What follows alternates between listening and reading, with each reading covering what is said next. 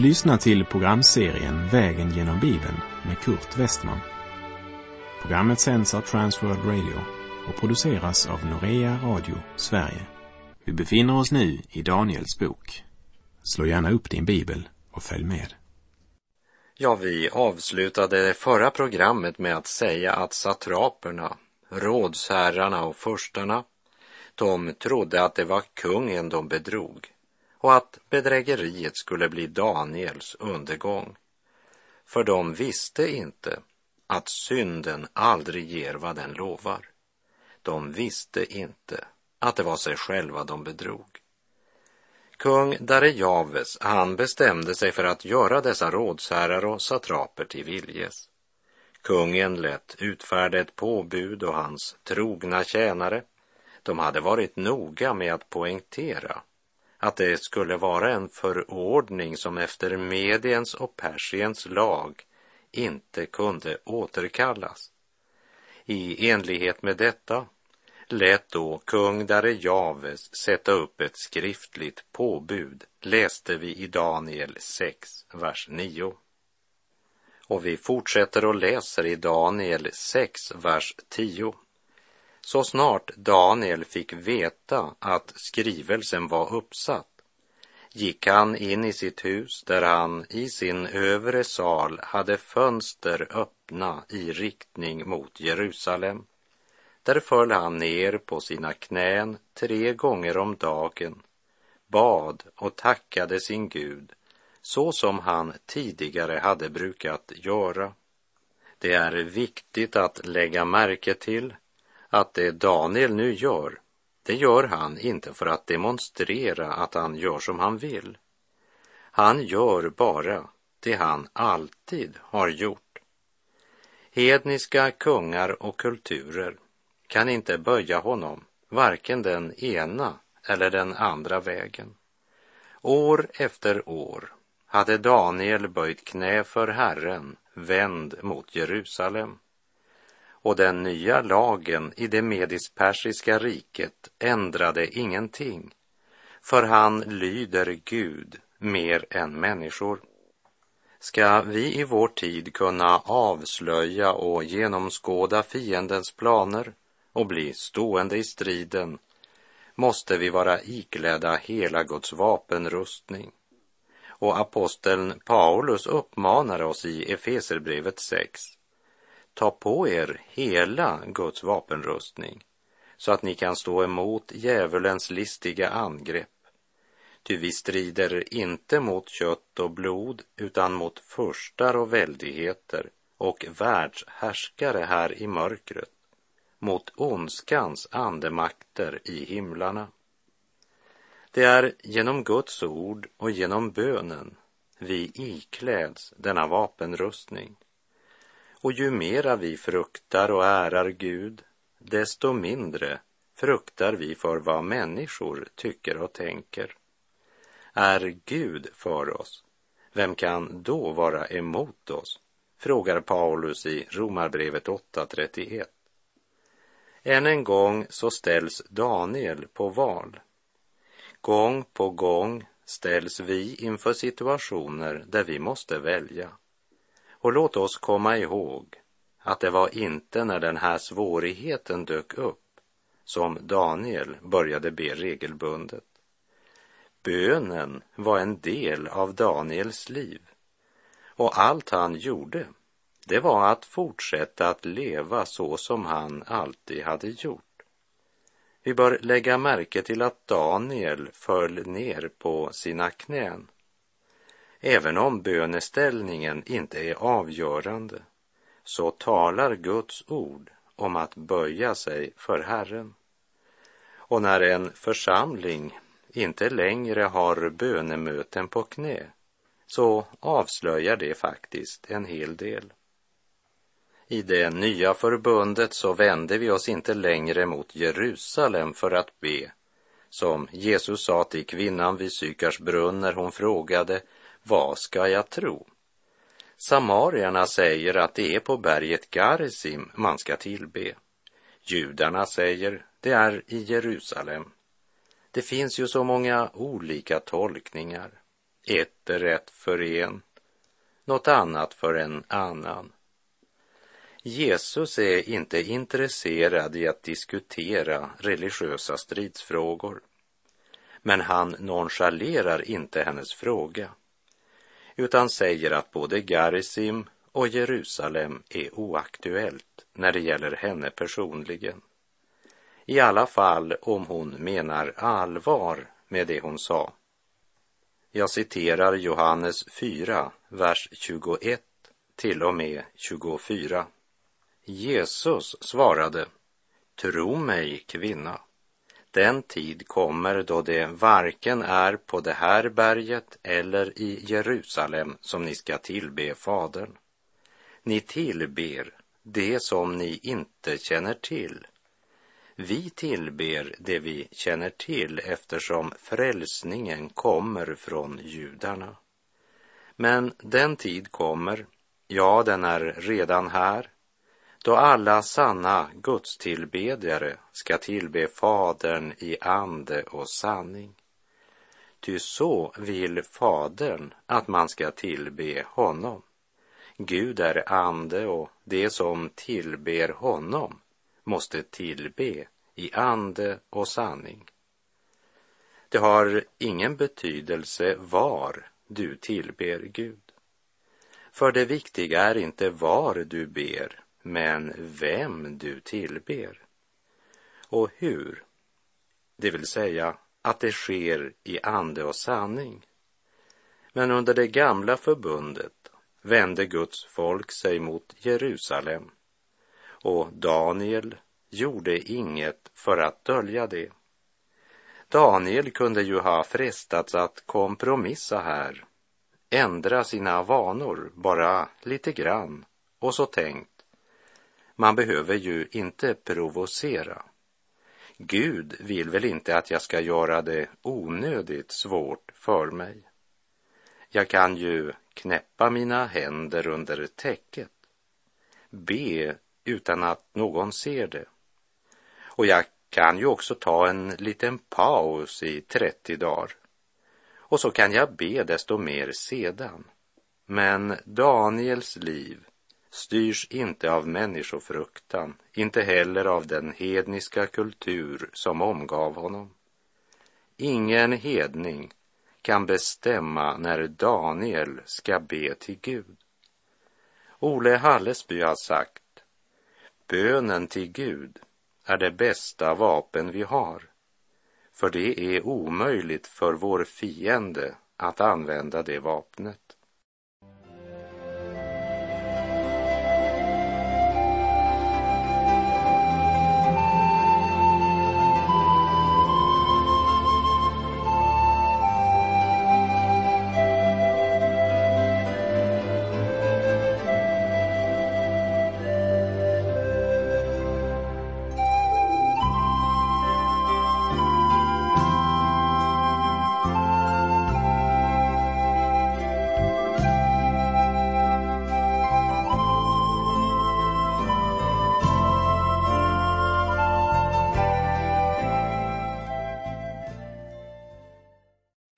När Daniel faller ner på knä för att be så sker följande.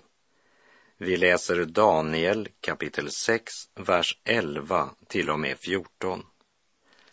Då kom dessa män instormande och fann Daniel i färd med att bedja och åkalla sin Gud. Då gick de till kungen och frågade honom angående det kungliga påbudet har du inte låtit sätta upp ett påbud med innehållet att vem som helst som under 30 dagar vänder sig i sin bön till någon annan, Gud eller människa, än till dig, och konung, han ska kastas i lejongropen. Kungen svarade, jo, det påbudet står fast efter Mediens och Persiens orubbliga lag. De instormande männen, de visste precis vad de skulle finna. Det var ju därför man hittat på förslaget att man under 30 dagar inte fick tillbe någon annan än kung Darejaves. Och nu var det bara att storma in till Daniel på hans fasta bönetid, så hade man uppnått det man med list och falskhet planerat. Det vi speciellt ska lägga märke till här i kapitel 6 är att det inte längre är religionsfrihet. Det är förbjudet att tillbe Israels Gud. Vi minns från kapitel 1 att välfärd är det första steget när Babels kung ska göra Guds barn till Babels tjänare. Dubbelliv, frestelse till dubbelliv, det var det andra steget. Och i kapitel 3 mötte vi tredje steget som var kompromiss, där Daniel och hans vänner frestas att inta en liberalare hållning till sin gudstro. Befallningen från Babels kung är att de gärna får tillbe sin egen gud, men han kräver att de också ska visa samma respekt för guldstoden, som ju är majoritetens religiösa hållning. Alltså en frestelse att kompromissa det är inte förbjudet att tillbe andra gudar än Nebukadnessars guldstaty, utan var och en får ha sin tro. Men här i kapitel 6 möter vi det fjärde steget, nämligen förnekande. Ser du framgångssättet? Först ska de genom välfärd lära sig att eh, tänka lite mera på sig själva låta självlivet blomstra. Sedan lockas till ett dubbelliv där de använder sina egna namn när de är bland sina judiska vänner och så endast använda Babelsnamnen när de är bland Babels folk. Och efter det skulle de väl vara mogna för en kompromiss. För efter en tid med dubbelliv och kompromissande så är steget inte så stort till förnekande. Babels kung är död, Babels rike har krossats, men det medisk-persiska riket representerar samma gudsfientliga andemakt, bara i en lite annorlunda form. Och Daniels hemlighet, den ligger i att han sa nej från början. Hans första, andra och tredje val formade hans karaktär. Och Daniel visste att om han inte fortsatte sin bön precis som förr så hade han i verkligheten redan böjt knä för hedendomen. Kära vän, avgörelser vi tar i nödens stund är påverkade av det val du gör idag. Låt oss aldrig glömma det. Daniel gjorde inte något revolutionerande eller nytt denna dag. Han gjorde bara det som han alltid förut hade gjort. Det är hemligheten. Även satraperna och rådsherrarna gjorde som de alltid hade gjort. De gick fram med hjälp av lögn, list och hyckleri. Och så frågar de kungen, har du inte låtit sätta upp ett påbud med innehållet att vem som helst som under 30 dagar vänder sig i bön till någon annan gud eller människa än till dig, och kung, han ska kastas i lejongropen. De talar som om det skulle ha varit kungens idé. Och kungen svarar myndigt, jo, det påbudet står fast efter Mediens och Persiens orubbliga lag.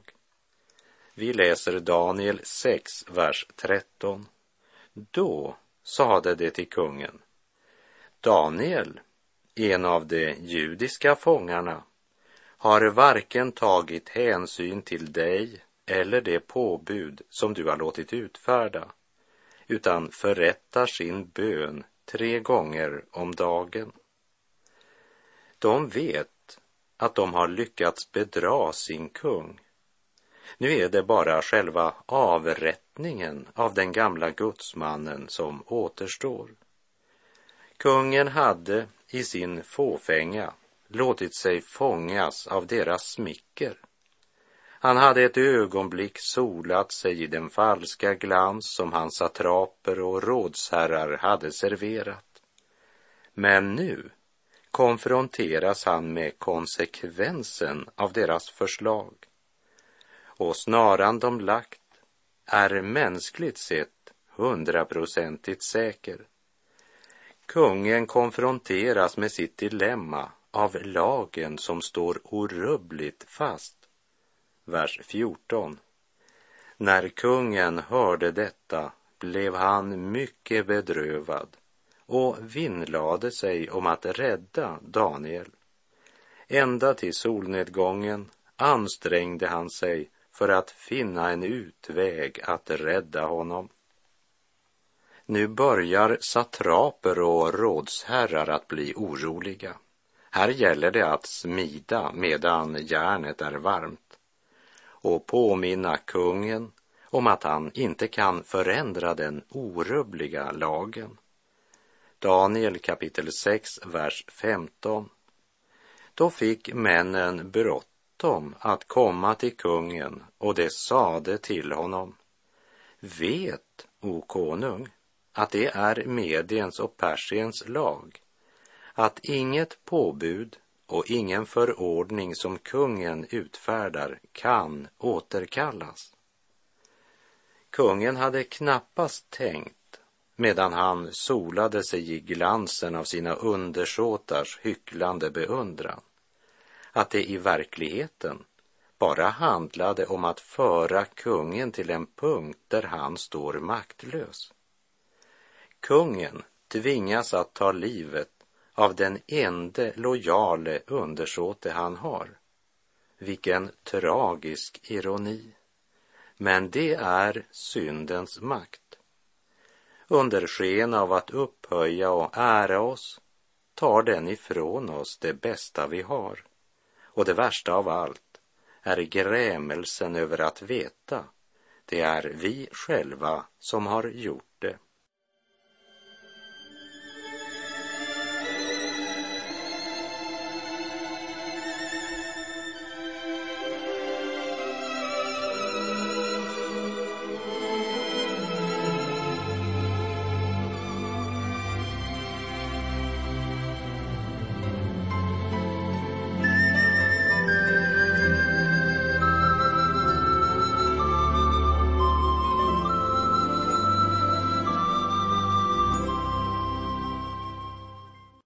Ända till solnedgången ansträngde kung Darejave sig med att finna en utväg att rädda Daniel.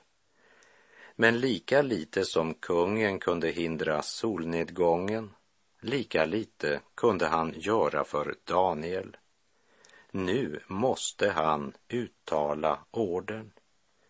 Och medan folket i riket trodde att det är den mäktige kungen som uttalar sin befallning, så är han bara en fånge i satrapernas och rådsherrarnas våld. Han kan inte längre uppskjuta konsekvenserna av sin fåfänga. Daniel kapitel 6, vers 16 och 17. Då lät kungen hämta Daniel och kasta honom i lejongropen och kungen sade till Daniel, din Gud, den som du så oavbrutet dyrkar, må han rädda dig. Och man förde fram en sten och lade den över gropens öppning och kungen förseglade den med sitt eget och sina stormäns sigill för att ingen förändring skulle kunna göras i det som nu hade skett med Daniel. Nu kan satraper och rådsherrar triumfera på samma sätt som fariseerna och de skriftlärda triumferade långfredagen då de lyckades övertyga Pilatus om att korsfästa Jesus. Pilatus, han sökte likt Darejaves efter en utväg men fann ingen. Äntligen har vi lyckats, tänkte satraper, rådsherrar och förstar. Stenen var på plats. Det kändes tryggt. Lejongropen är nu förseglad. Det var säkrast så. Precis som satraperna och rådsherrarna samlades översteprästen och fariseerna hos Pilatus och bad honom försegla Jesu grav. Hör vad de säger till Pilatus i Matteus kapitel 27, verserna 64 till och med 66. Ge därför befallning om att graven blir säkert stängd fram till tredje dagen, så att hans lärjungar inte kommer och stjäl hans kropp och sedan säger till folket att han uppstått från de döda. Då blir det sista bedrägeriet värre än det första. Pilatus sade till dem, här har ni vaktstyrkan. Gå och bevaka graven så gott ni kan. Det gick och bevakade graven och förseglade stenen. Det satte också ut vakten. Och satraperna och rådsherrarna, de är precis lika rädda för den gamle gudsmannen Daniel. Och man förde fram en sten och lade den över gropens öppning och kungen förseglade den med sitt eget och med sina stormäns sigill. Så många mäktiga mot en enda gammal man. Och den gamle mannen har kastats ner till de blodtörstiga lejonen. Och ändå är man inte trygg. Kanske man anar att synden alltid bedrar sina tjänare. Daniel 6, vers 18. Sedan gick kungen hem till sitt palats och fastade hela natten och lät inga kvinnor komma in till sig och han kunde inte sova. När vi läser vers 18 så kan vi fråga oss vem som hade det värst den här natten. Daniel eller kungen i sitt palats. Kungen insåg nog att satraperna och rådsherrarna hade lurat honom. Och Daniel var uppenbart högt aktad i kung Darejaves ögon. Det han låtit sig luras att göra mot Daniel, det ger honom en sömnlös natt. Och orden om att han fastade hela natten och lät inga kvinnor komma in till sig, det visar kungens oro för Daniel. Samtidigt uttrycker det ett hopp.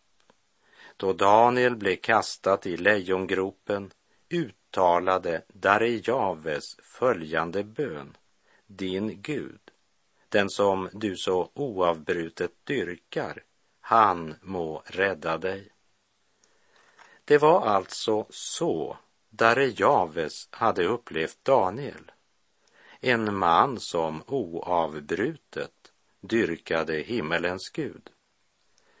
Daniel var annorlunda, för han hade en annorlunda Gud, en levande Gud.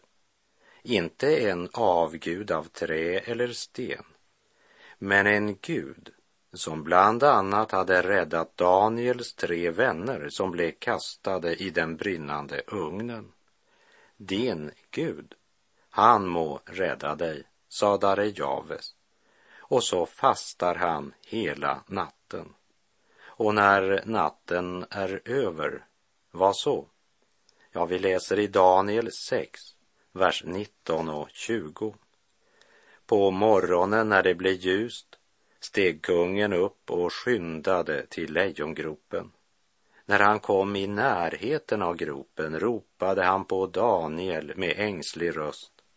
Han sade, Daniel, du den levande Gudens tjänare, har din Gud, som du så oavbrutet dyrkar, kunnat rädda dig från lejonen? Hur stort hopp Darejaves hade att få möta Daniel levande, det vet jag inte. Men ett hopp hade han, det är helt uppenbart. Kungen vill veta därför att Daniel är för honom en kär vän och han vill veta om det verkligen finns en sådan Gud. Daniel, har han kunnat rädda dig? Vi läser Daniel kapitel 6, vers 21 och 22. Då svarade Daniel kungen, må kungen leva för evigt. Min Gud har sänt sin ängel och stängt till lejonens gap, så det har inte skadat mig.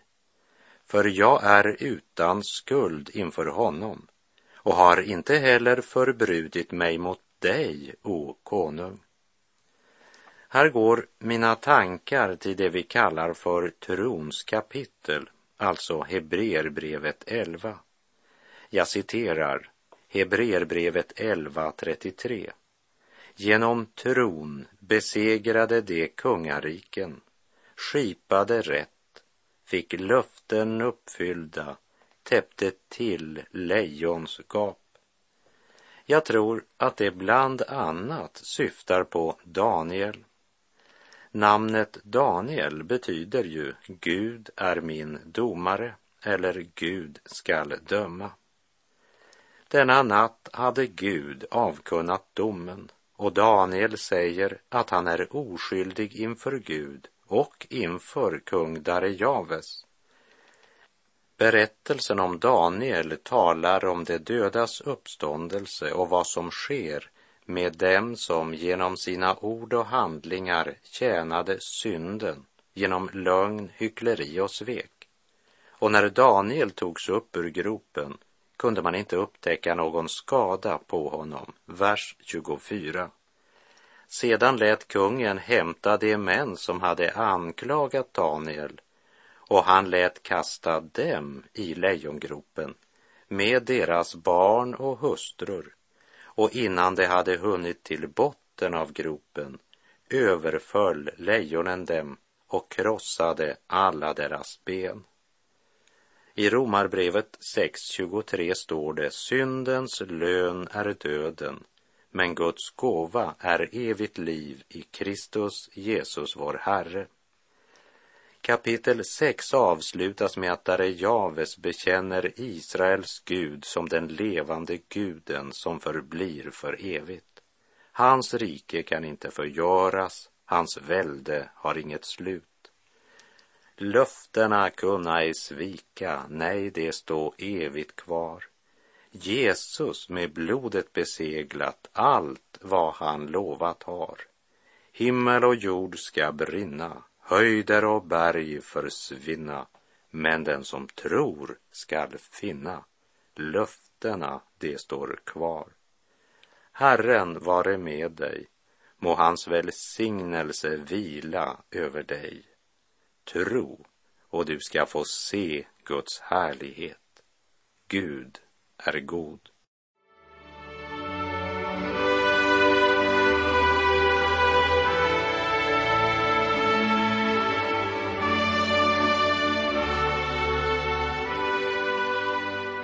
Du har lyssnat till programserien Vägen genom Bibeln med Kurt Westman som sänds av Transworld Radio.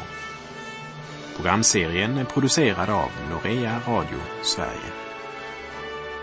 Om du önskar mer information om vårt radiomissionsarbete så skriv till Norea Radio Sverige, box 3419 103 68 Stockholm.